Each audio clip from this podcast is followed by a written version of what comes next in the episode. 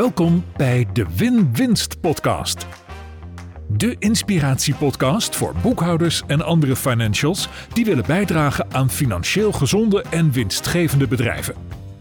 Femke Hogema gaat in gesprek met experts en ze deelt haar eigen kennis en ervaring. Laten we samen ontdekken hoe je succes creëert voor jezelf en je klant. Een echte win-winst. En vandaag in de podcaststudio Veronique Prins. Yes. En we zitten al uren te praten, want Veronique nodigde me uit voor een lunch. Dus ik zei van ja, nu gaan we echt die podcast opnemen. Want we hebben, anders dan zijn we straks is het half zes en dan Nee. hebben we nog niks. En ik realiseerde me net toen jij op al je knopjes aan het drukken was. Hoe waardevol was het geweest als we mensen deelgenoot hadden kunnen maken van ons gesprek? Ja, nou laten we dat dan nu alsnog een klein Ja. stukje Ja, doen. oké, goed. Ik zal je eerst even voorstellen. Top. Veronique Prins is een van Nederlands bekendste business coaches en eigenaar van Veronique Prins. En auteur van het boek De Kick-Ass Code, die ook voor de kijker in beeld staat. Veronique is niet zomaar een business coach, maar een kick-ass business coach. Ze zegt waar het op staat en ze is allergisch voor excuses. Ze heeft een enorm rijke ondernemerservaring. Ze was manager van meerdere supermarkten en startte tien jaar geleden vanuit niets haar coachingspraktijk. En ze bouwde haar coachingspraktijk uit van een, nou ja, een kleine omzet van, nou ja, niet echt noemenswaardig, zo'n 10.000 euro in het eerste jaar. Ja. Nou, daar kun je niet echt van leven. Naar echt een echt serieus miljoenenbedrijf. Ik zat terug te denken waar we elkaar ontmoet hadden. En volgens mij is dus de eerste soort van ontmoeting was het moment dat jouw man Co zeven jaar geleden op het allereerste Profit First event was. Ja. Jij had je aangemeld, maar jij kon niet en toen heb je je man gestuurd. ja, hij was heel welkom, was heel tof. Ja. Ehm, nou, vervolgens hebben we elkaar heel vaak ontmoet. Jij sprak op ProfitCon. Ik heb een training aan jouw klanten gegeven. En ik interviewde je voor mijn laatste boek. Zowel online als op het podium. Jij nodigde mij uit voor een heel tof etentje. En er zijn gewoon heel veel mooie momenten waar we elkaar weer steeds vinden. En daar ben ik je heel dankbaar voor. Dus Wederzijds. fijn dat je hier vandaag bent. Welkom. Eer is echt aan mij. Ja, als ik, als ik natuurlijk eh, het, het, het lijstje voorgangers eh, zie, dan denk ik... Oeh, weet je, dus, dus eh, ik ben echt dankbaar dat ik hier mag zijn. Ik vond de lunch al heel erg leuk, maar dat ik dan ook nog met jou de podcast mag doen, eh, heerlijk. Echt Ja, nou, ik verheug me Ja. er ook heel erg op. Ja. Nou, nou zetten we wel een heel hoog, eh, de, de- de lat met verwachtingen natuurlijk heel hoog. Ja, Dus, nou, dat is goed. Dan blijven ze hangen. Nee, maar dan moeten we ook wel De leveren. ondernemer en haar boekhouding. Ja, er zitten muziekjes tussendoor. Maar je zei, en dan moeten we ook wel even Leveren, leveren. Ja, we gaan leveren. Ja. We beginnen met praten over geld. ja. Ehm, hoe heb jij je boekhouding geregeld? Ja, eh, eh, mijn man heeft gezorgd dat ik er niks meer mee te maken heb. En eh, dat is denk ik ook de allerbeste eh, verdeling. Ik heb zelf een boekhouder uit, uit Delft. Ehm, en ik ben al heel erg lang klant bij hem, omdat ik gewoon heel erg blij met hem ben. En ehm, hij genoot heel erg van mijn groeiende succes. Maar er stond, ontstonden steeds meer irritaties, om, omdat mijn boekhouding gewoon niet voor elkaar was. Weet je, als je natuurlijk bezig bent met het bouwen van een imperium, denk je niet, god, heb ik al mijn bonnetjes wel ingescand? En terwijl ik wel echt snap dat hij zegt, ja prins, weet je, dat is allemaal prima, maar ik moet wel mijn werk kunnen doen. En, en ik was dus zo'n typische ondernemer die, die op 29 en 30 januari niet meer naar bed ging, omdat ik dacht, waar haal ik nou dat bonnetje van oktober? En ik heb nog een factuur in november. En god, ik, ik, ik, ik mis nog iets uit december. Nou, joh, ik werd er helemaal krankjorum van. En ehm, ik vind dat je als ondernemer, zeker als je zelf en je succes ehm, serieus neemt, dingen anders in moet gaan regelen als, als de groei daarom vraagt. Ja. En eh, mijn man is een aantal jaren geleden eh, bij mij bij het bedrijf erbij gekomen. Eh, ik weet niet of je iets weet van management rise, maar ik ben heel erg oranje. Dus ik ben heel erg van voort, visie, doen en doorgaan. En mijn man is het blauwe type. Nou, je zou zeggen, hoe kan het samen? Maar wij, wij vullen elkaar dus fantastisch aan. En hij heeft op een gegeven moment ook gezegd... ik heb ook dus ook niet eens meer toegang tot mijn eigen financiële administratie. Want hij zegt, als je erin kijkt, gaat het al in de war. Nou, dat is dan prima. Eh, eh, ik stuur wel op cijfers, maar daar gaat natuurlijk vast de volgende vraag nou ja, eh, over. verte- Vertel, Oké. vertel. Want het feit dat ik het niet kan, wil niet zeggen dat ik het niet gebruik en dat ik het niet nodig heb. Ik vind namelijk mijn cijfers ongelooflijk belangrijk. En ehm, eh, daarom hebben we ook een aantal stelregels uh, ingesteld. Onze boekhouding is maximaal uh, drie dagen over tijd. wat ik daarmee bedoel is dat ook alle inkoopfacturen met een maximale vertraging van drie dagen worden ingeboekt. en dat betekent dus eigenlijk ook dat meestal op de eerste van de maand, uiterlijk op de tweede van de maand, het resultaat van de voorgaande maand al bekend is. En, en ik zie gewoon heel veel ondernemers. En in eerste instantie is dat ook prima gericht zijn op omzet. En, en dat is ook de eerste stap, vind ik. Want luister, als er geen omzet is, is er ook geen winst. En um, um, dus, dus ga nou eerst maar eens leren omzet te maken. Maar ik zie ook wel heel veel mensen te lang wachten met de vervolgstap in te voeren. En daarom ben ik zo blij, ook met jouw podcast. Maar alles wat jij natuurlijk met name op financieel gebied voor ondernemers uh, doet. En de lessen die jij ons daarin uh, leert. Um, omzet, zegt niet, omzet zegt niks zonder winst. Nee. En ik, ik, ik, ik, ook in mijn wereld hè, vliegen de miljoenen natuurlijk af en toe om je oren. Nou, ik, ik ben niet zo heel snel meer onder de indruk. Vooral ook niet omdat ik zie dat er echt kinderen met waterhoofden worden gecreëerd, zoals ik dat altijd noem. Uh, ik had een collega en, en uh, ik zag altijd dat de markt haar veel serieuzer nam dan dat ze mij nam, omdat zij altijd met haar omzet uh, strooide, zeg maar.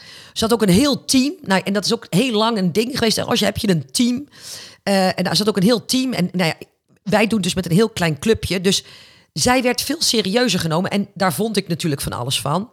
Tot inderdaad het moment, ik vergeet nooit meer, wij stonden uh, op Schiphol uh, klaar bij de gate om aan boord te gaan voor, van onze vlucht. En toen belde ze me op, ze zei, kun je me alsjeblieft geld lenen? Ik zeg, hoezo? Ze zegt, ik moet mijn btw betalen en dat geld dat heb ik niet. Nou, een profit first professional, daar, daarbij zakt natuurlijk nu ter plekke de broek af. Uh, maar, maar het geeft dus aan dat als je niet op je cijfers bijstuurt, en dat gaat niet eens alleen over winstcijfers, maar als ik kijk ook naar wat, wat leveren mijn programma's me op. Hè, dus ik, ik heb meerdere programma's waarin ik mensen bedien. En er is een programma wat me ongelooflijk veel omzet opleverde. En toen ik eens ging kijken van, goh, maar wat levert het eigenlijk netto onderaan de streep op? Los van het feit dat het me heel veel tijd kostte, was het ook mijn duurste programma. En dat heeft dus gemaakt dat uh, de grootste uh, omzetmaker was drie maanden later van mijn menu verdwenen. Dat mensen zeggen, laat jij zoveel omzet lopen? Jazeker. Maar als ik ga kijken, als ik diezelfde tijd gebruik om een ander programma in te zetten, hoeveel ik dan meer onderaan de streep overhoud. Ja, weet je, dat zijn, dat zijn van, die, uh, van die dingen. Maar even terugkomend op je eerste vraag, want ik ben een ADHD'er. Daar moet je even aan wennen als je mij nog niet kent. Ik ga van de hak op de tak. Um, wij, mijn, aan mijn administratie doe ik niks. Ik heb wel voorgeschreven hoe ik wil dat het gaat. En, en binnen hoeveel tijd ik dingen beschikbaar wil hebben. En um, um, uh, mensen die hierin beter zijn dan ik, hebben het dus opgepakt. Waardoor mijn boekhouder me ook als klant wilde houden. Dat was mij heel veel waard. En ik denk dat iedereen moet doen waar hij blij van wordt en waar hij goed in is. Uh, en laat mij nou omzet maken, mijn marketing doen en, en een groot gedeelte van de sales en leveren aan mijn klanten. Dit soort dingen krijg ik geen energie van. Ik ben er ook niet goed in. Uh, uh, dus dat kan iemand anders mooi uh, oppakken. Ja, en je zegt heel veel dingen die, die super waardevol zijn. Want um, je hoeft het niet zelf te doen. Maar je moet wel zorgen dat het goed Juist. geregeld wordt. Ja. Het moet wel up-to-date zijn. jij zegt drie dagen, zodat we gewoon op dag één, dag twee van de nieuwe maand weten wat we de vorige maand hebben gedaan. Omzet is geweldig, maar het moet wel winstgevende omzet zijn. En ik, ik deel die irritatie. Want iedere keer als ik op op, op Instagram zo'n advertentie langs zie komen van um, uh, wil jij ook een inkomen van 100.000, dan wil ik wel door die telefoon heen schreeuwen. Heb jij het over inkomen ja. of heb je het over omzet? Want ja. dat zijn we even twee verschillende dingen. dingen. Ja. Ja. Dus je zegt hele belangrijke dingen en, en daar stuur je dus ook op. Je hebt het ook over marges van dure programma's die veel omzet dit laatje brengen, hoeven niet de juiste marges te hebben. Dus ja, uh, mo mooie, mooie visie. mooie, nou ja, wa waardevol, gewoon waardevolle visie op, op, ja, op geld. Ja. Over geld gesproken, is geld belangrijk? Uh, ik heb heel lang het politiek correcte antwoord nee gegeven. Uh, en dat komt uit een aantal uh, dingen voort. Um, ik had Nee, ik heb gelukkig uh, succesvolle ouders. Mijn ouders hadden een supermarkt. En, en later heb ik dus zelf ook net ook een supermarkt gehad. En in supermarkten gaat het echt over procenten. Weet je, dat, daar, daar worden enorme omzetten gedraaid. Maar als je een paar procent onderaan de streep overhield, dan, dan, dan deed je het eigenlijk al eh, belachelijk goed. Dus ik ben letterlijk en figuurlijk van op de kleintjes letten. Daarbij komen wij ook uit een dorp waar eh, als je gewoon deed, deed je al gek genoeg. Dus eh, nou, mijn vader deed het heel erg goed en wij reden een Mercedes, wat tegenwoordig iedereen rijdt, maar destijds was dat nog best wel een dingetje. En als we ergens heen gingen, dan parkeerde hij hem altijd twee straten verder. Onze auto stond ook nooit bij de winkel voor de deur. Want zijn klanten mochten niet zien in wat voor auto wij reden. Want daar zouden ze wel eens wat van kunnen vinden. Dus ehm, wij hadden het heel goed thuis. Ehm, maar we mochten eigenlijk vooral niet met ons succes te koop lopen. Dus, dus dat heb ik als allereerste meegekregen. En, en dat zit er best hardnekkig in, zeg maar. Het tweede is dat ik ehm, heel goed weet dat geld heel veel voordelen heeft. En, ehm, eh, en dat ik daar ook vreselijk van geniet. Uh, aan de andere kant zijn er ook heel veel dingen die je kunt doen die geen geld kosten. Uh, en waar ik ook heel erg van kan genieten. ik ben alleenstaande moeder geweest, zonder alimentatie voor mijzelf. En dat maakt ook dat ik nou best ook wel financiële moeilijke periode had. Dat, weet je, ik had toen geen mobiele telefoon, want het abonnement was te duur. Ik, ik las de klant niet meer. En, nou, en iedere moeder die luistert, maar waarschijnlijk iedere vader ook, dan al het, het, geld wat er was, dat ging eigenlijk naar mijn kinderen. En toen was ik ook gelukkig. Dus, dus um, ik heb heel lang gezegd, het is niet belangrijk voor me, want, want geluk zit niet in geld. Uh, inmiddels ben ik natuurlijk een aantal fases verder. En uh, durf ik dus hardop te zeggen, en daar word ik dus ook wel eens op veroordeeld. Maar ik denk dat ik juist daarmee mensen aan het denken zet. En dan mag je zelf vervolgens je eigen mening uh, vormen ik geniet enorm van wat ik met geld kan doen. En, en uh, vanuit de zin, en ik, ik, ik, gebruik vaak Engelse quotes omdat ze in het Engels nou vaak eenmaal beter klinken dan in het Nederlands. Money is not for buying things, money is for doing things. Nou, jij rijdt net met mij mee. Uh, ik, ik verdien best wel goed. Uh, mijn auto is nog geen 15.000 euro waard. Ehm, ehm, en, en, en hij is geloof ik ook al tien jaar oud. Maar ik rij bijna nooit, want ik, ik ga op de fiets naar mijn werk of, of lopend. Uh, maar als ik zie wat ik met geld kan doen. We hebben een aanbouw aan ons huis gemaakt. Waar een van mijn ouders kan wonen als de ander komt te overlijden. Ik, ik heb een spaarpotje gemaakt. Een soort profit first, maar dan privé. Uh, dat ik de mogelijkheid heb om 24-7 care voor mijn ouder te regelen die overblijft. Want mantelzorgen, ik denk niet dat ze daar beter van worden als ik dat ga doen. Om, om, en ik denk dat mensen dan wel begrijpen wat ik bedoel. Uh, nou, uh, ik neem mijn gezin twee keer in een jaar mee op vakantie. Uh, ik heb kunnen zorgen, en dat is niet eerlijk, dat weet ik. Maar in die niet eerlijke markt heb ik er wel voor kunnen zorgen dat mijn kinderen allebei een huis hebben kunnen kopen. In een, in een markt waar in een starter niet eens aan bod komt. Um, um, ja, en, en zo zie ik dat ik, ik stort ieder jaar 50.000 euro aan het goede doel. Dus, dus iedereen die zegt dat geld niet belangrijk is, dat mag. Uh, uh, maar weet wel dat er heel veel belangrijke dingen zijn die je kunt doen met geld. En nogmaals, dat heeft niks te maken met drie Porsches op de oprijlaan. Want daar ben ik dan ook weer allergisch uh, voor. Ehm, en ik merk ook wel vaak dat mensen het makkelijk zeggen, omdat het ervoor zorgt dat je niet de discussie met jezelf aan hoeft te gaan. Wat ben ik waard? Ja, oh. Wat gun ik mezelf? Um, um, hoe leid ik mijn mooiste leven? Het, het maakt natuurlijk ook hè, dat ja, ik doe wel eens dingen waarvan sommige mensen zeggen: Is dat nodig? Geen idee, maar ik geniet er wel van. En, en dat maakt dus dat ik ook daarmee af en toe mijn kop over het maaiveld uitsteek. Um, en, en dat daagt mij dus weer uit om toch te blijven doen waar ik blij van word. Ondanks dat een ander daar natuurlijk een mening over heeft. Want ze hebben sowieso een mening over je. En als je dan natuurlijk maar heel keurig binnen de lijntjes blijft en zegt geld is niet belangrijk. En, hè, want, uh, en, en geluk zit niet in geld. Nee. Um, um, uh, maar geld maakt, uh, maakt geld gelukkig? Nee. Maar gelukkig maken ze wel geld. Ja, gelukkig. En, ja. en luister, er gaan meer huwelijken kapot door een tekort aan geld dan een overschot aan geld. Zeker, en niet alleen huwelijken. Ik bedoel, er gaat heel veel ja, ja. kapot door een tekort aan geld. Ja. Je, je zei net twee dingen over toen jij jonger was. Je zei, uh, nou ja, het was niet de bedoeling dat wij met ons succes te koop liepen. Ja. Um, uh, op de kleintjes letten, ja. zei je ook. Heb je daaraan moeten, ja, heb je, heb, heb je dat moeten ontworstelen, wil ik eigenlijk zeggen? Nou ja, en, en dat is bijna ook nog steeds wel een, uh, een strijd is een groot woord, maar, maar wel iets wat, wat zo ingebakken zit. ook met het stuk dat je moet hard werken om succesvol te zijn. Dus ik ben echt een hele hardwerkende ondernemer. Ja, dat weet En, ik. en, en daarin zit voor mij nog altijd, altijd de uitdaging. eh, meer omzet maakt ze maken heel makkelijk, want ik werk gewoon een beetje harder. Ja. En dus de uitdaging is nog steeds omdat je moet gewoon hard werken voor je geld om, Ja. daar, om dat los te Ja. laten. En doe je daar dan actief dingen in Ja. om je te ontworstelen aan dat soort overtuigingen? Ja, ja, dus eh, eh, ik, ik richt, lig regelmatig zelf op de, op de pijnbank, zoals ik hem altijd noem, hè, om, om met dat soort beperkende overtuigingen eh, aan de slag te gaan. En vooral ook omdat ik het noodzakelijk vind, want als dit natuurlijk mijn, ehm, mijn overtuiging is, hoe zuiver kan ik dan mijn klanten het tegendeel leren als, als ik er zelf nog aan vasthoud? En, en ik moet daarin overtuigingsloos mijn kennis wel door kunnen geven. Want anders dan leer je bij mij, je moet hard werken voor je geld. En dat is het laatste wat ik door wil geven. Ja, en- Waarbij, ho, niemand in een hangmat rijk wordt. Dus er zit een tint grijs. Ik ben niet een Instagram-entrepreneur die zegt dat... nee, ik werk niet en, en oh joh, ik hang in een hangmat... en dan kijk ik af en toe op mijn bankrekening. Goh, weer six figures binnen. Nou, weet je, z- zo werkt het niet helemaal. Nee, zo werkt het niet. Nee. En, en ik, ik, ik geloof helemaal, ik ben het helemaal eens met wat je zegt, met een kleine nuance. Want ik geloof niet dat je je. ehm, laat ik het anders zeggen. Ik geloof inderdaad, je moet je heel erg bewust zijn van je beperkende overtuigingen. Ik denk alsnog dat als je er bewust genoeg van bent, dat je kunt meeleren met je klanten. Dat je. Ja, ja, ja, Ja.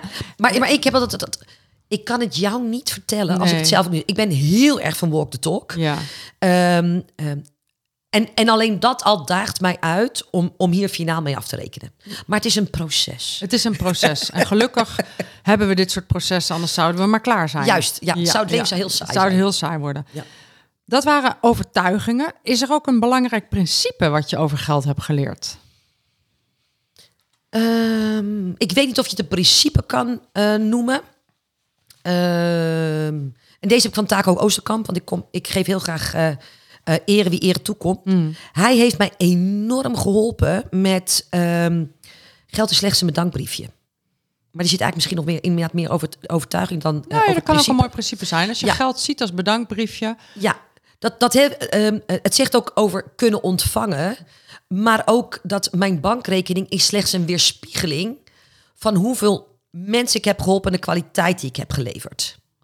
En, en dan inderdaad wel een overtuiging dat er een relatie moet liggen tussen tarief en waarde. Ja, en, en het is heel mooi, want als je die aan elkaar knoopt, dus wat geloof je over geld, wat zijn je overtuigingen over geld, waar kom je vandaan?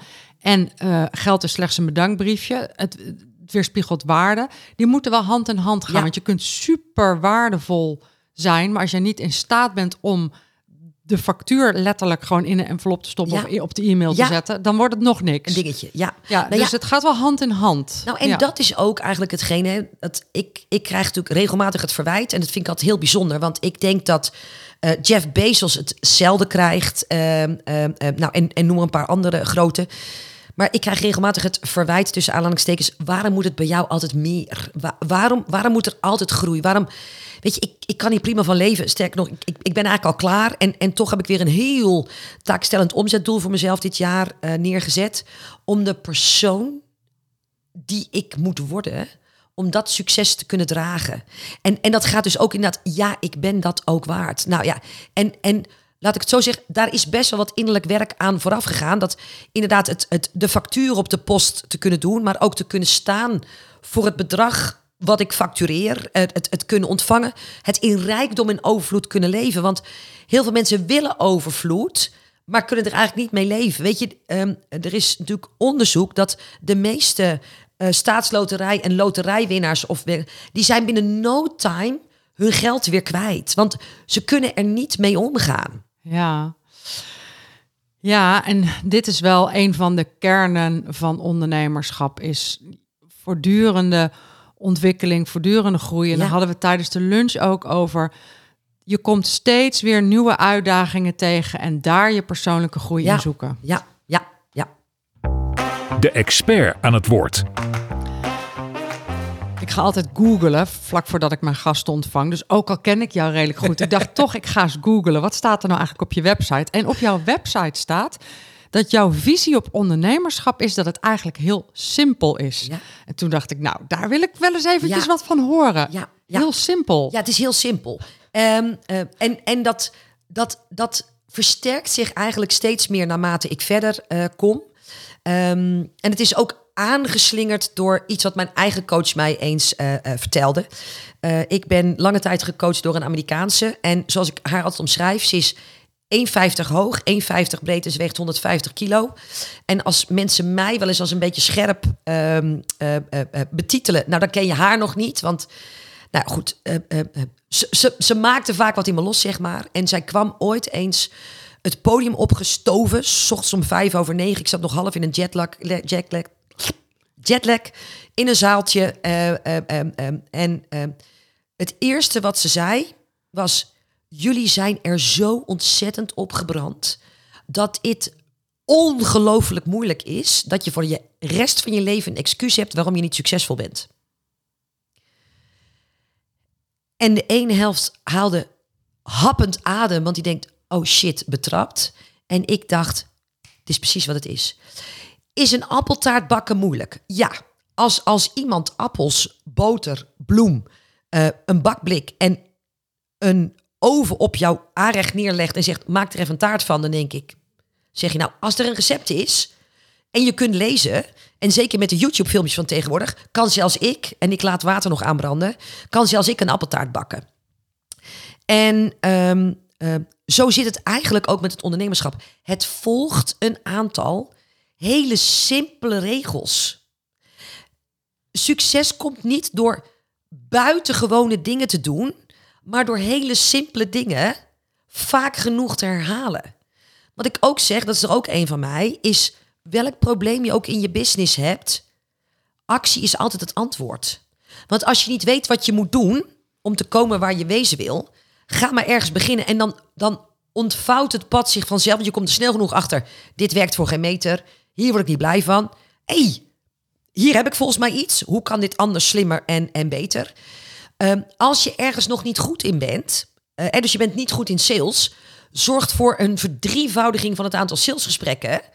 En ehm, eh, dan heb je hetzelfde aantal ja's. Je moet er alleen iets meer moeite voor doen. Hè? Dus als je goed bent, dan converteer je de helft. Ben je niet goed, dan converteer je maar een kwart. Moet je gewoon dubbel zoveel calls inplannen. Heb je hetzelfde eh, resultaat uiteindelijk. En door het te doen, worden je sales calls vanzelf beter. Want je leert het vanzelf. Ehm, ehm, en, en, en die twee dingen staan bij mij naast elkaar. Maar ik zie zoveel mensen Monopoly spelen zonder dat ze weten dat de eerste straten die je moet kopen zijn Brink en ons dorp. En je moet altijd de Kalverstraat en hoe heet die andere ook weer? Ja, Eh, die- eh, ik weet ze, ja, die, die die- donkerblauwe helemaal Ja, vlak ja, voor start, helemaal juist. aan het eind. Maar, maar dat doen de meesten niet. Wat kost dat wel niet? Weet je wat die straten kosten? En, en als je snapt hoe Monopoly speelt... en dat je dus moet kijken naar wat kost die straat... maar wat levert die me op... en dat de goedkoopste straten niet per definitie het beste resultaat opleveren... in ondernemerschap is dus precies hetzelfde. En, en als je Monopoly leert spelen... en je speelt het heel vaak... is de kans dat jij alle potjes wint heel groot. En ondernemerschap is echt niet anders. Maar we willen ons heel vaak niet in de spelregels verdiepen. Ja, en eh, poe, poe, ehm, ik, denk, ik denk dat het pijnlijk herkenbaar is. Want ja, als je, als je het maar gewoon heel moeilijk maakt, dan kun je keihard werken. Dan kun je lekker zuchten en steunen. En ja, daar kan niemand er eigenlijk ook wat van vinden, inclusief jijzelf niet. Want ja, je werkt nu eenmaal heel hard. Dus, dus die snap ik. Ehm, actie, want je ontdekt vanzelf of het wel of niet werkt. En anders neem je nieuwe actie. Je hebt een recept te volgen. Ja, Eh, recept voor appeltaart. eh, kunnen we ons allemaal een beeld bij vormen? Wat is dan dat hele simpele recept van ondernemerschap? een plan voor omzet. Weet je, ik, eh, ik werk natuurlijk veel met, met ZZP'ers hè, die, die starten. En, en ze beginnen allemaal achterstevoren. Dus ze bouwen eerst een website. Ik heb een website, dus ik besta. Eh, ze hebben vaak allemaal al hun baan opgegeven. Eh sommigen hebben zelfs al een kantoorruimte ingericht of gehuurd. En dan zeg ik, goh, en hoe kom je aan je eerste klanten? En dan kijken ze me schaapachtig aan. Jeetje, shit, moet ik daar ook...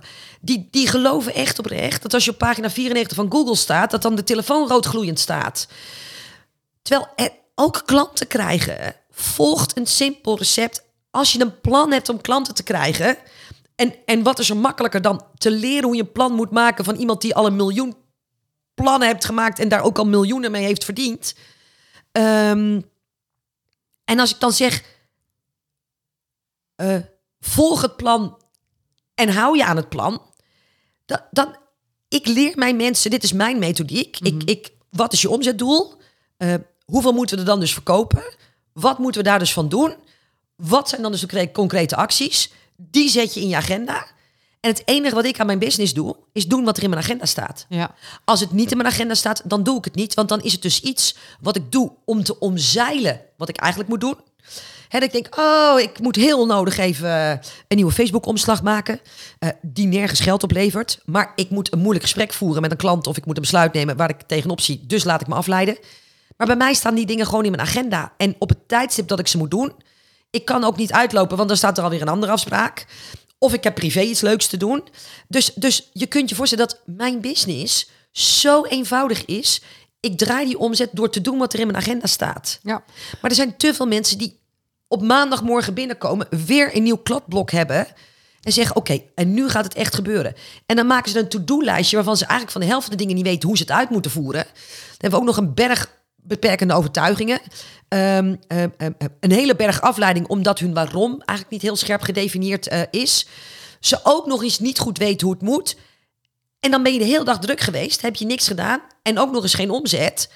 En, en ga je met minder voldoening naar huis dan dat ik aan het einde van de dag doe. Ja, en er komen heel veel dingen natuurlijk van alles wat je zegt. zijn de puzzelstukjes die in elkaar vallen. Want je, je je hebt een plan nodig hoe je omzet gaat maken. Vervolgens zet je het, ga je bedenken welke acties daarbij horen. Die zet je in je agenda en die ga je vervolgens ook doen. En ehm, ik heb een paar mooie uitspraken die hier allemaal bij aansluiten. Want eentje die is net andersom. Die, die, is wel heel cool. Die zegt: If it's not in my agenda, it won't get done.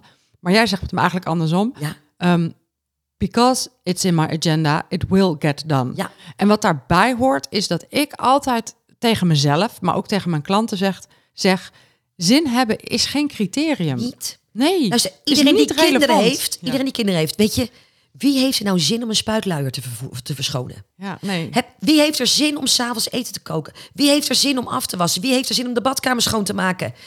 Jeetje niet, maar het moet wel gebeuren. Ja, en sommige dingen kun je daarvan uitbesteden. Ook dat geldt voor je business. Sommige dingen kun je uitbesteden. Maar uh, sommige dingen moet je gewoon doen, ook al heb je geen zin. En, en wat er ook bij komt kijken, en dat, dat vind ik, het klinkt zo simpel, maar voor mij werkt dat als een tierenlier. Ik zorg dat de afspraken die in mijn agenda staan, dat die verder gaan dan een afspraak die ik alleen met mezelf heb. Dus als je drie keer zoveel verkoopgesprekken wil voeren, zorg dan dat er afspraken met mensen in je agenda staan. Want dan heb je namelijk echt geen zin meer nodig. Want dan, dan wacht er gewoon iemand op je. En, en dat is precies zoals het is. En, en waar het je ook toe dwingt. Kijk, als je, als je echt een ondernemer bent, uh, heb je altijd 23.000 meer ideeën dan dat er überhaupt tijd in je agenda is. Nou, en als je dan ook nog eens een ADHD'er bent, dan, dan heb je helemaal een uitdaging. Maar het dwingt mij dus om steeds vanuit zelfleiderschap en vanuit ondernemerschap en vanuit een hogere visie te kijken. Dit is de tijd die ik beschikbaar heb. Dit zijn de dingen die ik wil doen. Welke van deze dingen dragen bij aan het realiseren van mijn doelstelling? Dus welke ik het leukst vind, daar heeft het niet altijd wat mee te maken. Maar welke zijn er nodig om dat doel wat voor mij een heilige graal is, daadwerkelijk uh, te realiseren. En dan zet je dus heel makkelijk prioriteiten, maak je heel eenvoudig uh, keuzes. En mijn leven is dus heel vaak veel simpeler dan dat van mensen die 20, 30.000 euro omzet per jaar draaien. Want die maken van het kleinste dingetje al een enorm besluitproces. Maar omdat ik weinig tijd heb en ik per dag tien besluiten moet maken, en misschien zelfs wel meer met enorme impact, ik doe dat dus echt met een knip van mijn vingers, want ik moet door. Ja, want je moet door, want er is nog meer te doen. Juist. Wat je, wat je ook zegt nu is, je stelt een doel en dat doel is belangrijk. En dan is het niet relevant of je altijd maar zin hebt om de onderliggende taken uit te voeren. Ja. En nou, ik probeer nu even plaatsvervangend uh, met de luisteraar mee te voelen. Ja, Maar het moet toch ook wel een beetje leuk blijven, Veronique, Ja. ondernemerschap. Ja, nee, maar luister. Eh, eh, ik heb het allergaafste beroep ter wereld. Ik, ik geniet enorm van wat ik iedere dag eh, mag doen. Ik geniet enorm van het ondernemerschap en de vrijheid die het me biedt. Het geniet enorm van de mogelijkheden. Ik geniet heel erg van de financiële kanten. En soms is het gewoon werk. Weet je, ik, ik weet wel heel duidelijk dat mijn bedrijf mijn middel is. En dat mag je natuurlijk allemaal niet zeggen. Want oh, wat zeg je nou? Als, alsof ik mijn klanten misbruik als ik dat zeg. Mijn doel is om een heel fijn leven te hebben. Mijn doel is om veel tijd door te brengen met mijn dierbaren. Mijn, mijn doel is om, om straks met mijn man op een berg in Frankrijk veel tijd door te brengen. Ehm, eh, en mijn bedrijf is daarin het middel. En eh, iedereen heeft werk, als je bij een baas werkt, dat heel vaak leuk is en heel vaak ook niet. Ik heb het voorrecht om met een ongelooflijk leuke man getrouwd te zijn, al 25 jaar. Ik durf te zeggen dat wij bovenmatig gelukkig zijn met elkaar. En toch zijn er momenten dat ik denk, was ik stoned toen ik ooit ja tegen jou zei? Dat stadhuis in Beeldhoven 23 jaar eh, eh, geleden. Weet je, wat aan jouw advertentie vond ik nou echt heel erg leuk? Weet je, dat hoort er ook bij. Dus, dus, dus ook in zo'n bedrijf, nou dat is natuurlijk ook waar we het heel duidelijk over gehad hebben. Komt er af en toe schuring. En, en ik zie dat tegenwoordig als de uitdaging om ehm, te kijken waar kan het anders, beter, leuker en fijner. En, en natuurlijk heb ik heel veel dingen zo ingericht. Hè, wat we hebben, ik, ik ben niet goed in cijfers, ik word er ook niet blij van. Dus dat doet inmiddels iemand voor me. Ehm, maar blijft overeind dat ik regelmatig een aantal impopulaire maatregelen moet nemen. Dat ik mensen op mijn algemene voorwaarden moet wijzen. eh, eh, eh, op momenten zeggen, ik stop ermee. Ik nou, dat mag, maar je moet wel blijven betalen, weet je. Ik, ik vind alles prima. Ehm, is dat fijn? Nee, maar het hoort er wel bij. Ja, dat is gewoon onderdeel van, van, het, van het contract wat je tekende met jezelf toen je ondernemer werd. Dat, weet je, en Femke, ik geniet enorm van mijn werk. Maar, maar er zijn echt wel eens dagen dat ik mijn kantoor binnenloop en ik... Als het niet had gehoeven vandaag, had ik hier niet gezeten. En je bent er ook oké mee dat je dat af en toe denkt en voelt. Maar dat is toch hartstikke gezond? Weet je, ik heb Ja. zo'n fijn huwelijk. Maar niet 365 dagen in een jaar stikgelukkig. Dat zou bijna eng zijn. En, en, en daarom is juist ook dat hogere doel voor jezelf belangrijk. En een stip op de muur. Daaraan kan ik me dan altijd weer reflecteren. En, en, en daaruit komt dan het brandend verlangen dat ik denk... Nou ja, ik ben er nou toch. Dit is waarom ik het doe. En daarmee gaat mijn vuur weer aan. Dan gaat de knop weer op. denk ik, nou ja, nou ben ik er toch. En, en binnen 10 minuten, en iedereen herkent dit. Hoe vaak ben je naar je werk gegaan dat je denkt... Ben niet helemaal lekker. Ik heb een beetje hoofdpijn. Ging ik ook nog wel eens bij Co weg en dan zei ik... Misschien ben ik zo wel thuis en ik ben eigenlijk niet lekker. En dan stuurde hij me drie kwartier later een appje en dan zegt hij... Hoe is het met je? Dan denk ik, hoe is Hoe het, is het met me? Ik, wat, wat, wat vraag jij me nou? Ik zeg, hoezo? Hij zegt, je was niet lekker. Ik zeg, oh nee, toen ik van huis wegging was ik eigenlijk niet lekker. Weet je, dan weet ik het al niet eens meer. Nee, fantastisch. Dus dit is toch gezond? Ja, dus het, het is, ehm, dus het is en de stip op de horizon eh, privé, waar, waardoor je bedrijf een middel is, maar het is ook de stip op de horizon zakelijk, waardoor dat innerlijke vuurtje blijft gloeien. Ja, ja. Maar niks is een permanente orgastische fase. Nee. staat, dat kan niet. Nee, nee, nee, nee, dat kan zeker niet. Dat kan zeker niet. Met je kinderen ook niet zo. Weet je, af en toe denk ik... Ja, weet je, er komt ook niemand je gratis afhalen. Dus ik zal ze wel houden. Maar Ja, nee, dat is, dat is zeker waar. De, er zijn, denk ik, ik denk dat de meeste luisteraars een bedrijf hebben. Laten we het hebben over, een, over de luisteraar die een boekhoudbedrijf heeft, Ja. maar die het anders wil. Dus ehm, eh, ze, veel van mijn klanten die voelen, ja, ik heb heel lang die financiële administraties gedaan, aangiftes, ik doe het nog. En ik wil het geloof ik anders. Ik wil geloof ik meer die coachrol pakken, meer die adviserende rol. En ik geloof dat ik ook wel andere klanten wil en Ja. dus ook andere diensten aanbieden en eigenlijk ook wel meer verdienen. Wat zijn dan de stappen die die financials in jouw ogen moeten zetten om dat te realiseren? ja, het gaat heel wat van je vragen. En want eh, eh, ter voorbereiding op dit interview heb ik ook wat rondgebeld. En eh, aan een aantal financials in mijn omgeving gevraagd die op de oude manier hebt. En ik noem even oud eventjes. En jongens, ik ben blij dat je er bent zijn, zijn hè, want dan hoef ik het niet te doen. Maar aangiftes doen, met mijn begroting maken, nou weet ik het allemaal. Ehm, die doen eigenlijk nagenoeg niks aan marketing. Hè, die, die- de- de klanten komen via klanten. En natuurlijk is het ook dat voorrecht heeft jouw ideale klant, hè, dus, dus een, een boekhoud of administratiekantoor, als je goed werk levert, blijven ze de rest van hun leven bij je.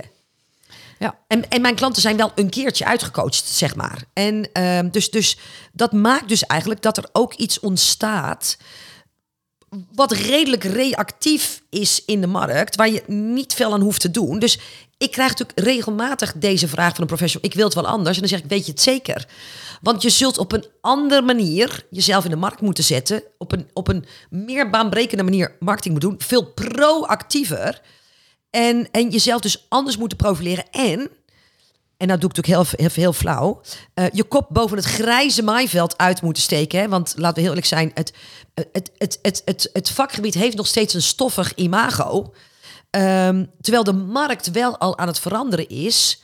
En, en om, omdat gelukkig, dat is voor jullie tenminste in dat zo, er maar zo heel weinig zijn die dat al roepen, blijft het veilig om het oude te doen. Want er zijn niet zoveel die baanbrekend werk verrichten. Maar als het merendeel wakker gaat worden en dat gaat zeggen wat jij net zegt, ehm, dan moet de rest ook wel. En, en, en wat ik dus wel zeg is, zeker in deze fase, als je dit uh, wilt, moet je echt zeggen, ben ik echt bereid om het te doen? Want je verdient nu eigenlijk op een hele makkelijke manier je geld.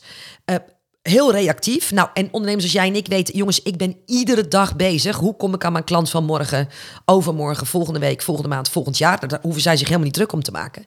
En als je zegt dat je deze stap wil maken, moet wel eerst dit besluit als een paal boven water staan. En dan moet er ook niet over twee maanden weer op terug willen komen. Nee, dus, dus stap 1 is weet waar je aan begint. Want je hebt, je hebt, het klopt helemaal wat je zegt. Ik denk dat het wel iets minder aan het worden is. Maar vroeger hadden boekhouders klanten voor het leven. Ja. De klanten zijn iets meer om zich heen aan het kijken en het, aan het ontdekken. hey, het kan ook anders. Dus er zijn wel degelijk nu ondernemers die weggaan bij hun boekhouder omdat ze zeggen, nou maar en dit terecht. en terecht. Dus het wordt, het is iets minder de klant voor het leven, maar nog steeds zijn het klanten die lang blijven uh, en die inderdaad over het algemeen via via komen. Dus het kunnen marketen, het kunnen profileren, dat is iets wat ze helemaal vanaf scratch af aan moeten beginnen. Aan moeten en dat beginnen. is eng en dat is spannend en dergelijke. En wat natuurlijk ook is, uh,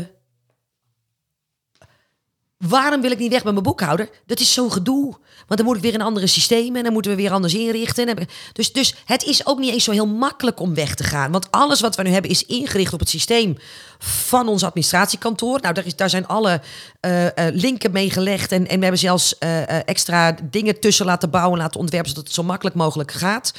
Um, um, maar, maar ik geloof ook, en, en ik ben daar zelf ook een voorbeeld van. Ik, ik ben een ondernemer met een meer dan gezonde cashflow. En um, ik, ik ben bij mijn administratiekantoor omdat hij vreselijk eerlijk is. Hij heeft ook, hoe heet het ook weer, uh, fiscale uh, kennis. Mhm. Mm -hmm. Maar maar mij verder helpen met god, wat moet nou eigenlijk met dat geld wat er op de bank staat. Uh, uh, mij op een andere manier eens uitdagen van goh, waar moet ik nou terecht? Uh, op, op, op een hoger niveau met me meedenken. Als ik bij hem binnenkom en lach, ik, I love him to pieces. Maar dan zegt hij altijd de vrouw die het onmogelijke waarmaakt. dat, want, dat daagt jou dus niet uit. Nee, weet nee. je, en, en nou heb ik dat van hem ook niet nodig. Maar het zou best wel eens cool zijn als ik dus niet zelf op zoek hoef te gaan naar van... hey Prins, maar zijn jouw programma's eigenlijk allemaal wel zo winstgevend... en hoe kunnen we zorgen dat er onderaan de streep nog meer overblijft? Um, uh, uh, waarom doet mijn boekhouder dat niet bij mij? En, en, en daarin zie ik dus dat zolang je er nog wil zijn voor iedereen... en, en jij nog werkt voor iedereen die een, um, um, um, een, bala- of hoe zoiets, een, um, Ja, een jaarrekening op moet uh, maken... Mis je dus ook de kans om je klanten optimaal te bedienen. Kijk, op het moment dat je zegt ik werk met starters, hoe cool zou het dan zijn om uh, uh, rondom dat kantoor extra dingen in te richten? Uh, iets van een, um, um, een opleiding ernaast te doen of een database waarin je uitlegt. Wat ga ik je eigenlijk leren? Waarom is dat nou belangrijk? Welke termen ga ik gebruiken? Um, wat zijn de eerste stappen? Want ik zie natuurlijk mensen dan hebben ze nog amper klanten, beginnen ze al over een um, arbeidsongeschiktheidsverzekering. Zou jij dat als financieel adviseur ook adviseren? De vraag die natuurlijk heel veel starters hebben, welk betaalsysteem moet ik inrichten? Welk administratiesysteem moet ik inrichten. Zorg dat je, als dat jouw doelgroep is, kun je dus excelleren in die markt. En mega aantrekkelijk zijn voor juist die doelgroep. Terwijl natuurlijk als je aan de andere kant gaat zitten, hè, dus bijvoorbeeld mijn doelgroep, uh, fiscale voordelen, uh, uh, BV oprichten. Hoe vaak ik niet van mijn klanten de vraag krijg: wanneer moet ik eigenlijk een BV oprichten? Ja, dan moet je mij vragen. Ik heb niet eens toestemming to toegang tot mijn eigen administratiesysteem. Nou weet ik het wel, omdat we natuurlijk zelf die procedure ook zijn doorgegaan. Maar, maar als je zegt, joh, ik ben de boekhouder voor iedereen die minstens een ton winst maakt, en winst, hè, geen mhm. omzet. Uh, welke andere dingen kan je nou voor jezelf doen? En wat je dan doet, dan ben je niet meer de persoon die de jaarrekening doet, maar dan ben ik bij jou, omdat jij groter denkt en voor mij denkt in het systeem. Wij hebben op een gegeven moment een financieel planner ingeschakeld. Dat heb ik op eigen beweging gedaan, omdat wat ik bij heel veel ondernemers zie en zelf ook herkende, Wanneer is het genoeg? Wanneer heb ik genoeg geld verdiend op de bank staan? Je moet natuurlijk niet op de bank zetten, snap ik ook wel. Um, uh, maar wanneer staat er genoeg dat ik kan stoppen? En terwijl ik dan ook nog 30 jaar wil leven. En, en juist ook dan de dingen wil doen waar ik nou geen tijd voor heb, maar dan straks mogelijk geen geld meer voor heb. Hè? Dus ik zie heel veel mensen als een kip zonder kop lopen, omdat ze eigenlijk niet weten wanneer er genoeg is. Dus waarom ben je niet het administratiekantoor waar automatisch een financieel planner aan verbonden is? En nou hebben wij er toevallig twee samengevoegd die gelukkig ook nog heel goed kunnen samenwerken. Maar waarom zijn er geen administratiekantoren die dit, die, die dit doen? Ja, en die zijn er denk ik wel. Want die zijn er. Ik weet dat ze er zijn. Maar terecht dat je dat zegt. De meeste niet. De meeste die zijn er voor iedereen. Dus weet waar je aan begint. Maak een keuze. Kom er niet binnen twee maanden op terug. Want het zal wel even buffelen worden. Neem daar dus echt een besluit in. Um, en Ga nou eens even kijken, hoe kun jij je onderscheiden? Kun je een specifieke niche kiezen? Kun je een specifieke doelgroep kiezen? En ga je daar ook in profileren? Ja. Nou ja, weet je, want het ding was dat, dat uh, ik ben eigenlijk de enige uh, kennisondernemer van deze grootte bij mijn uh, administratiekantoor. Het maakt dat ik nu veel van mijn klanten naar hem doorstuur, omdat heel veel mensen snappen natuurlijk niks van mijn verdienmodel. luister, ik weet nog wel dat ik de eerste keer een factuur van 12.000 euro aan een coach betaalde. Dat, hij heeft me nog nooit gebeld. Toen belde hij me op. Hij zegt, wat doe jij nou? Hij zegt, zoveel omzet heb je niet eens. Dus, dus maar ik zeg, Jeroen, komt goed. En nu zegt hij, als we de, de cijfers doornemen, ja, dit is natuurlijk weer voor coaching. Hij zegt, maar ja, daarom staat er nu dit aan het onderaan de streep.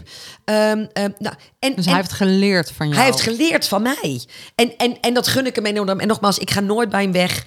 Uh, maar, maar bijvoorbeeld als jij nou zegt, die zijn er. Laat ik het zo zeggen, ik ben niet helemaal onzichtbaar.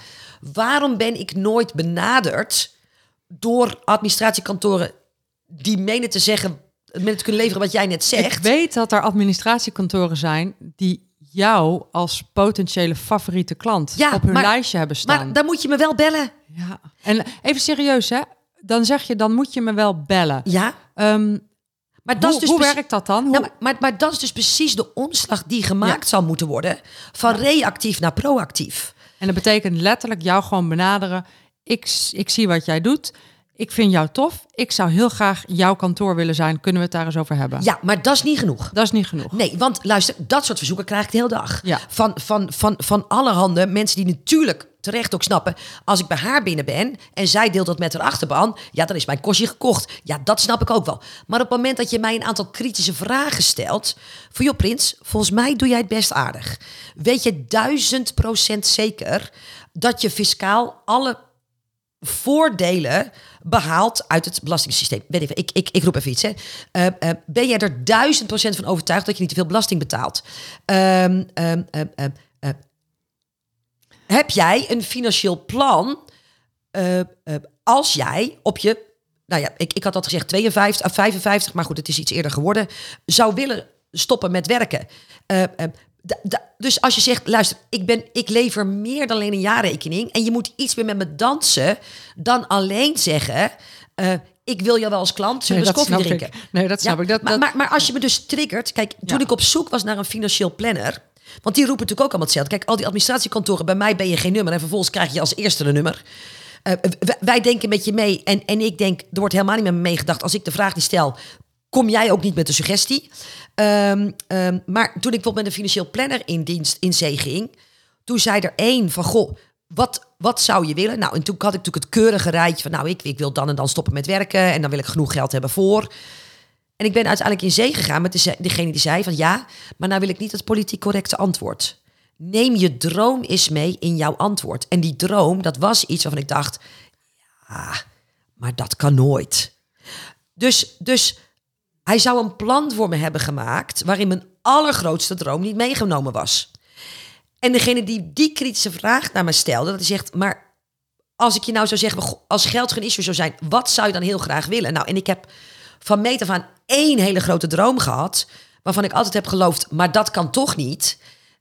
En omdat hij dat zei en dat in me wakker maakte en hij zegt, ik denk dat dat helemaal niet zo onmogelijk is. En vervolgens heel makkelijk met me voorrekende hoe dichtbij ik eigenlijk al was, toen dacht ik, oh wacht even. En, en dus, dus zoals ik mijn klant betalen van van joh, ik zie je dat en dat doen. Maar heb je er wel eens over nagedacht dat dat, dat en dat? Dus denk voor mij.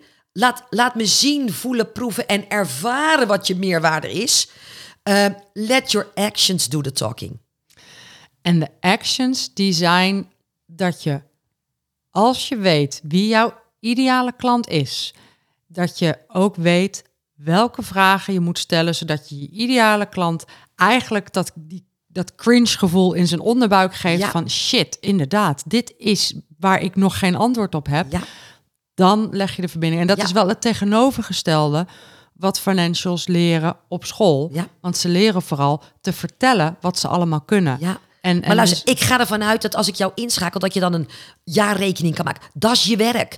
Weet je, als, als, als nou een cashier bij Albert Heijn zegt... ik kan heel goed kassen draaien, ik kan heel goed kassen draaien... ik kan heel goed scannen, ik kan dan denk je, mens, doe normaal. Als je dat niet zou kunnen, had je in de kinderopvang moeten gaan.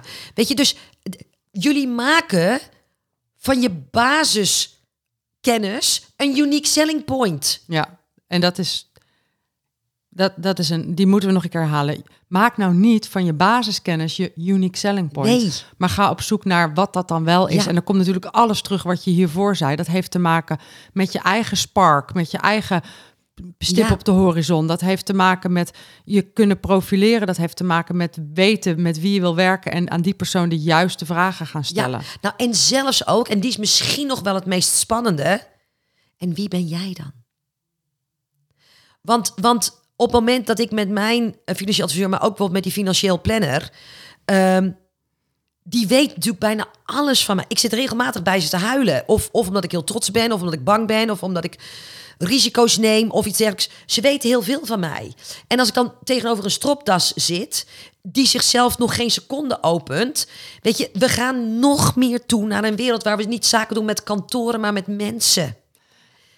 En, en, en, en zolang financieel professionals stropdassen blijven, ehm, eh, is de nieuwe generatie ondernemers die dit met hun klanten doen en dat dus ook van hun leveranciers gaat verwachten, ja, die gaan dan jouw deur voorbij.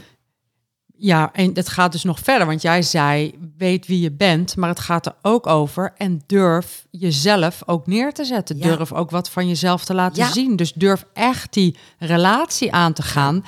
En dat is ook een, een ehm, dat kan voor sommige financials of andere experts best wel een, een, een drempel zijn, want die zijn niet altijd gewend om zichzelf in te brengen in de relatie met een klant. Totaal niet. Maar luister, ik ook niet. Doe me normaal, doe je gek genoeg. Wees bescheiden. De kant is, klant is koning. Het gaat ook niet om jou. En het gaat ook niet om mij. En ik laat ook niet alles van mezelf zien. Ik doe geen lift selfies. Nou, daar hebben we natuurlijk tijdens de, de lunch heel duidelijk over gehad. Dat dat ook heel lang mijn struggle is geweest. Wat moet ik laten zien dat het voor mij nog... Dat ik denk, hier voel ik me nog zo lang bij. Maar ook met wat mijn klant nodig heeft... om zich met mij te kunnen verbinden. En, en dat maakt hè, dat ik... Dat ik in de basis niet veel van mijn privéleven laat zien, maar, maar wel wie ik ben als mens. En dat is een mooie, mooie nuance, want je hoeft niet met je blote billen eh, op het strand Nee. eh, op Insta. Nee. Dat hoeft echt niet. Dus, en je hoeft, want ik laat niemand zal ooit mijn kinderen bijvoorbeeld Nee. online zien. En dat is niet. ehm, Nou, dat, dat is omdat ik niet wil dat mijn kinderen online Nee. staan. Dan mogen ze zelf kiezen als ze Maar ik 18 weet zijn. wel heel goed wie jij bent. Want En je je, weet houdt wel van ik sport. ben. Want, en, en jij Ja. met je rugzak. En dan deel Ja. je heel vaak je dingen. Dus, en, en dat is dus het ding. Dus heel veel mensen denken bij dit soort dingen. Ja, de, dat ga ik niet doen. Je ziet nooit mijn huis. eh, eh, en, en, en heel veel andere dingen die ik echt heel graag privé hou. Maar, maar mensen weten wel wie ik ben. Wat mij doet tikken. En, en dat maakt dat je de verbinding met me kunt maken. En vanuit de verbinding volgt de relatie. En dat maakt dat ze op een gegeven moment niet meer bij je weggaan. En dat is wel een hele belangrijke eh, keuze die we allemaal, waar we allemaal echt over na moeten denken. Van wat wil ik, wat wil ik van mezelf laten zien? Daar kun je echt vrije keuzes in maken. Ja. Niemand verplicht je om je hele hebben en houden online te gooien. Maar niks van jezelf laten zien gaat impact hebben in hoe je met Ja. klanten kan werken. Ja, ja. ik heb nou bijvoorbeeld, bijvoorbeeld een eh stylingcoach als klant. En zij zijn echt dramatisch goed. En eh, wat zij dus steeds doen, is zij plaatsen steeds voor- en na foto's van een metamorfose. Natuurlijk, als je dat ziet, is heel gaaf. Maar ik heb tegen haar gezegd, weet je wat jij nou eens moet doen? Je moet, terwijl je dat aan het doen bent, een timelapse opzetten. hè. Dus zo'n zo'n versneld filmpje. Het is zo'n leuk mens. Natuurlijk huur ik erin, eh, omdat ehm, eh, ze mijn kamer en mijn, en mijn huis heel mooi maakt. Maar ik vind het ook een heel leuk mens die ik de omzet gun. En je kunt je voorstellen dat als die twee allebei in orde zijn, dan, dan vallen de eh, concurrentiestukken weg. Want ik zeg, ja, ik ben heel goed met fiscale zaken. Ja, mag wel hopen voor dat bedrag ieder jaar. Ehm, ehm, maar ehm, eh, juist dat andere stuk daarnaast maakt dat zelfs als je duurder bent, maar ik heb meer verbinding met jou, ben ik bereid om daar meer voor te betalen. En, en, en nogmaals, de concurrentie valt dan weg. Ja, en dat is die gunfactor. En dat Juist. kunnen we allemaal leuk vinden of niet leuk vinden, maar die speelt gewoon wel een Ja, rol. Ja. ja. En we gaan nog één keer een paar, een paar stappen doen. Ja. Want we hadden het net over stappen die je moet zetten als je andere klanten, andere diensten wil. Maar stel je nou voor dat je zegt, nou, wat ik vooral wil, is ik wil ehm, werken met klanten die mij substantieel meer per maand betalen. Dus ik wil grotere pakketten gaan verkopen. Ik wil bijvoorbeeld het komende jaar vijf klanten die mij tussen de 1000 en de 2500 per maand betalen. En dat iedere maand weer.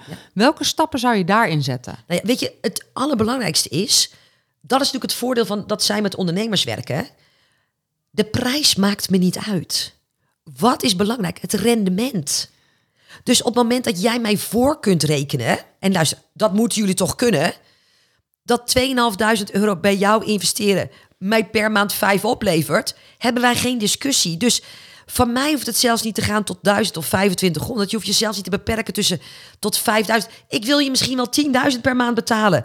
Als je me 15.000 euro per maand oplevert. Weet je, ehm, ehm, mij werd laatst de vraag gesteld: waarom steek je geen 50.000 euro per maand in Facebook-advertenties? Hij zegt: ze werken toch voor je? Hij zegt: ja, zegt, maar waarom stop je dan bij vijf per maand? Toen dacht ik: shit, dat is ook een manier. En toen dacht ik: oh, als ik dus eh 10.000 rendement heb op 5, dan heb ik 100.000 rendement op 50. Weet je, eh, dat is dus heel makkelijk. Dus reken mij voor, laat me zien, merken en ervaren. En prijs is nooit een issue.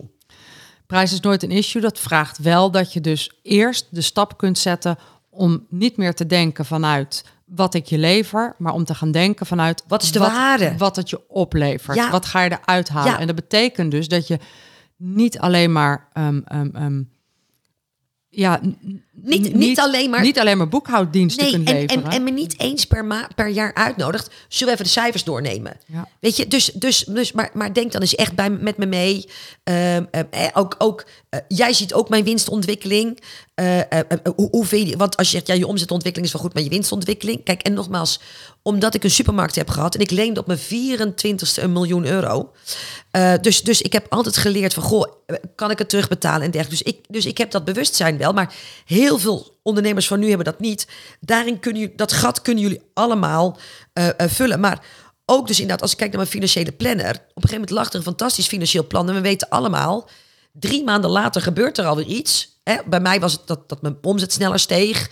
Maar, maar misschien stijgen de kosten ook sneller. Of, of nou, was er een privégebeurtenis wa- waardoor eigenlijk die cijfers niet meer actueel zijn.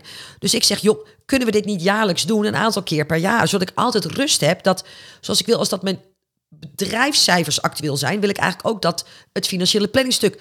Oh, zegt hij, maar hoort je dat dan gewild? Dus ik, ik moest voor hem in gaan vullen wat ik wilde. Dus ga eens met een aantal klanten op tafel, maar bedenk ook eens voor mij, want vaak zeggen we dan, wat zou je van me willen hebben? You don't know what you don't know. Ja, maar op het moment dat ik zeg, hoe zou het voor je zijn als we bij zou sturen en we dus niet op 31 december erachter komen, je hebt wel de omzet, maar niet de winst. Ehm, eh, hoe zou het voor je zijn dat als jij een, een, een hoge investering, dus een investering boven bedrag X zou, dat ik met je mee ga kijken en het rendement is door uh, ga rekenen voor je? Zou dat je helpen met financiële besluiten eenvoudiger te nemen? Um, nou ja, inderdaad, het, lezingen over um, wat doe ik met mijn geld op de bank? Als mensen vragen me wel wat, wat zou je anders hebben gedaan? Nou, ik zou iets eerder een team hebben gestart. En het tweede is, ik, ik dacht dat, ik een half miljoen op de bank moest hebben voordat ik was wat, wat met mijn geld kon doen. Dus ik ben gewoon veel te laat begonnen. Waarom is een financieel planner van meet af aan niet onderdeel van jouw pakket bij klanten die een cashflow van meer dan X hebben of, of een bankrekening van meer dan X.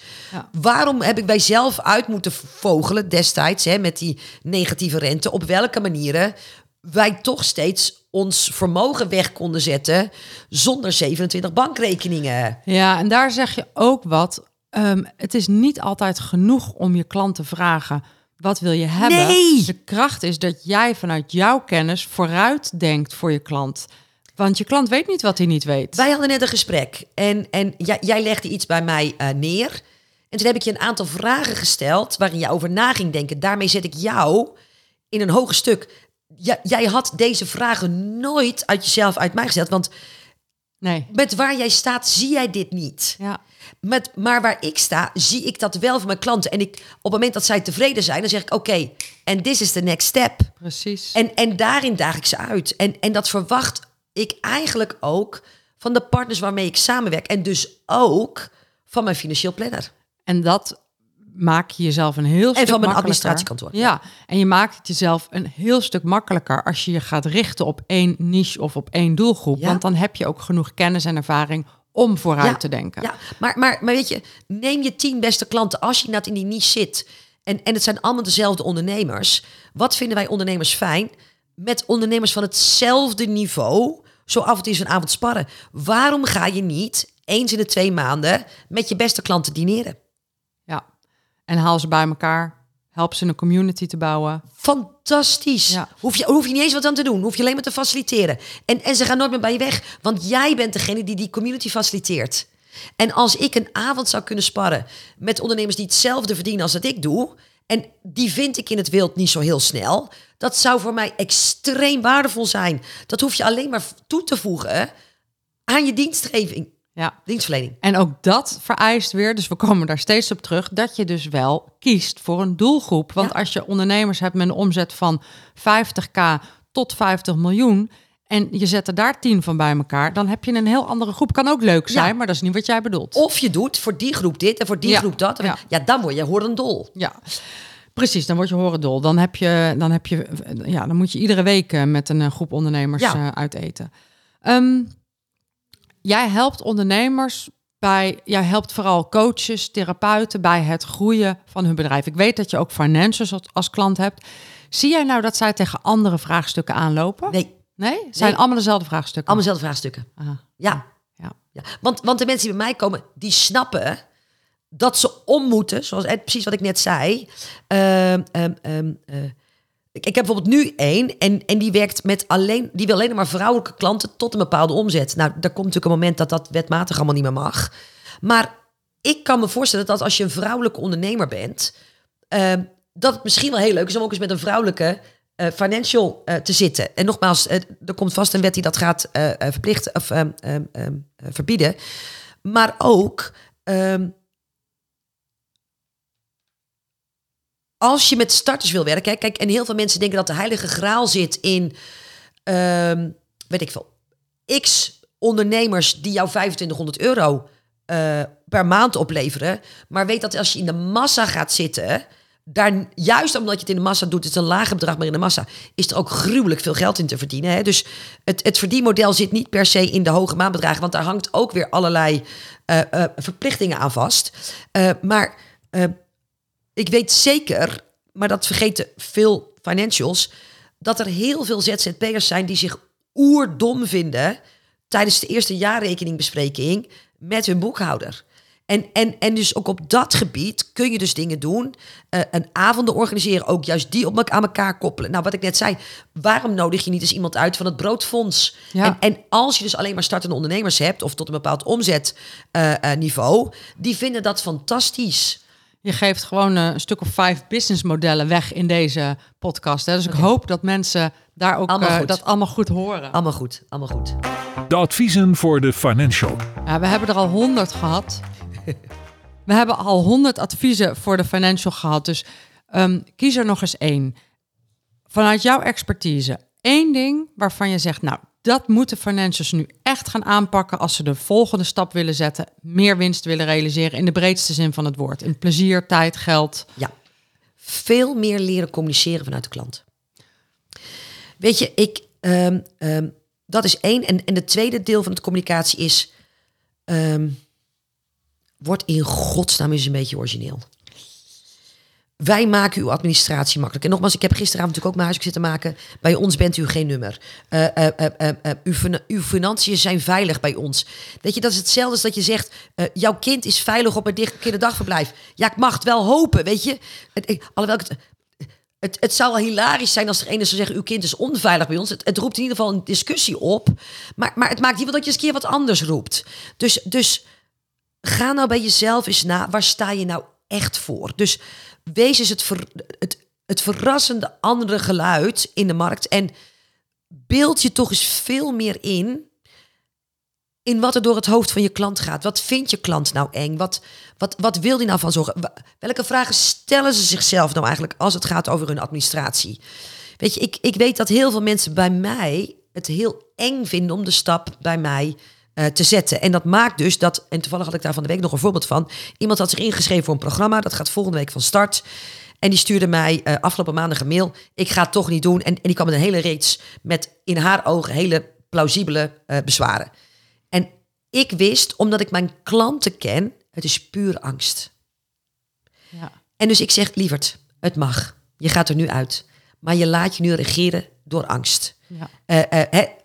Je bent ang- ba- bang om te groot te worden. Je bent bang om wat het je laat doen. Je, je bent bang eigenlijk van de grootste versie van jezelf. Eh, nou, en, en, en ik noemde allerlei dingen dat ze zegt... Oh, Niek, dat is echt waar. Ja. Maar dat komt omdat ik mijn klant heel goed ken. Dus ze zegt, "Ah, wat stom dat ik die mail heb gestuurd. Ik zeg, nee, hartstikke goed. Ik zeg, want, want nu ga je met nog meer enthousiasme erin. Want natuurlijk bleef ze. En, en als het voor mij belangrijk is om vanuit die manier te communiceren. Dus niet van wat uit ik weet, van wat ik denk, maar je heel duidelijk verplaatsen in de taal van je ideale klant. Eh, en, en dus ook rekening houden met waar word ik blij van. En, dat is ook een belangrijke, wat is dan de klantenreis bij jou? Als een klant bij mij start, ook een beetje afhankelijk van ehm, een type programma wat ze kopen, maar ze krijgen mij altijd een welkomstpakket. En daar zit een brief bij en, en, en, en, en eh, vaak een boek of iets dergelijks. Ehm, eh, als jij nou wil dat ik klant bij jou word voor 5000 euro per maand, eh 12 maanden, en het liefst doe ik nog- nog minstens 10 jaar op rij, wat is het jou dan waard om, om mij te laten denken, hé, hey, wacht even. Ik ben hier echt welkom. Anders dan, dit is je nummer, we hebben je ingeregeld in exact. En, en vanaf mo- morgen kun je je facturen naar dit e-mailadres sturen.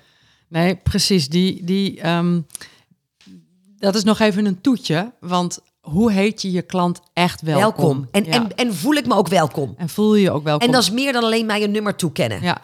Wat je eigenlijk zegt in deze tips is... Ja, wacht, mag nog Ja, één. ja. Weet jouw klant de procedure? Weet jouw klant waar ze recht op hebben? Stuur je ze een video bij de eerste factuur. Wat cool dat je klant geworden bent. Ik verheug me erop. Eh, eh, we gaan eerst eens beginnen met een kennismakingsgesprek. Waarin we samen gaan kijken naar jouw financiële doelstellingen voor het komende jaar. En, en dan, dan help ik je meedenken welke rol ik daarin kan spelen.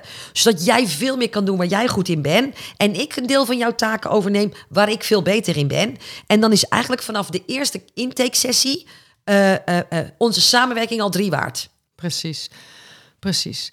Dus het komt allemaal terug op weet wie je klant is. Eh, communiceer ook vanuit die klant. Zorg dat je hem kunt uitdagen met de juiste vragen. Maar wees nou ook eens origineel. Ja. Wees nou ook eens origineel. Ja, ja. En dat, ehm, Kijk, het lastige bij jullie is, en en ik, ik, ik zeg het maar gewoon zoals het is. Je hebt me gelukkig al eh, voorgesteld als Kikkers Business Coach. Hoe je het ook wendt of keert, er hangt een nog wat stoffig imago omheen. En, en voor een deel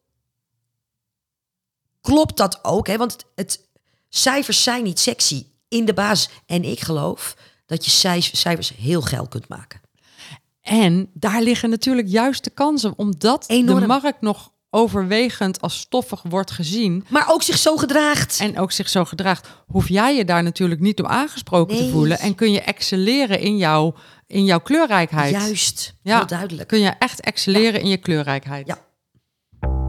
De winstvraag. Jij houdt niet van gezeur. Nee. En waar moeten de meeste ondernemers per direct mee stoppen qua, qua zeuren als ze succesvoller willen zijn? Waar zeuren ze over? Waar ze per direct mee moeten stoppen? Ehm, even kijken, want ik, had, ik had er vanochtend ook wel vier. ik, ik, had vanochtend heel veel ondernemers bij elkaar, dus er komen er een aantal uh, dingen. Um, nou ja, eigenlijk al hoe moeilijk en ingewikkeld het allemaal niet is. Uh, waar ze mee moeten zeuren, maar ze mee moeten stoppen, is je moet, je moet een besluit nemen. Maar ik, wat, wat ik in, in mijn boek beschrijf is, ik zie zoveel ondernemers op een duikplank lopen. En, en de metafoor van duikplank is voor mij een hele bijzonder, want ik haat zwemmen. En ik heb ook nog eens hoogtevrees. Dus op een hoge duikplank lopen is zo'n beetje het ergste wat je mij aan kunt doen. Maar ik zie heel veel mensen ijsberen op de duikplank. Dus ze zeggen, ik wil wel veranderen, maar ik weet niet hoe. En, en omdat ze zeggen, ja, maar ik weet nog eenmaal niet hoe, doen ze het dus niet. Potverdorie, als je niet weet hoe, schakel dan iemand in die jou met het hoe kan helpen. Of zeg niet dat je wil veranderen, maar, maar uh, doe iets.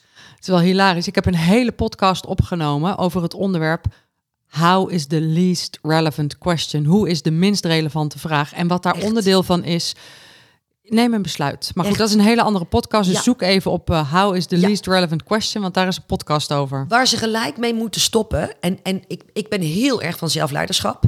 Dus als er mij ook iets fout gaat in mijn business, zelfs als mijn team een fout heeft gemaakt, dan zeg ik, waar had ik ze anders moeten trainen? Wat had ik anders moeten zeggen?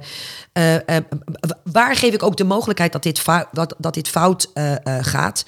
Um, vanochtend had ik iemand die zei, ja, ik, ik had al verder willen zijn, maar... En, en je moet per direct stoppen met denken dat jij de uitzondering bent. Ja, maar mijn klant. Ja, maar waar ik woon. Ja, maar in onze branche. Ga dan verhuizen of ga naar een andere branche. Maar kap in godsnaam met het voor jezelf goed praten van... Kut excuses.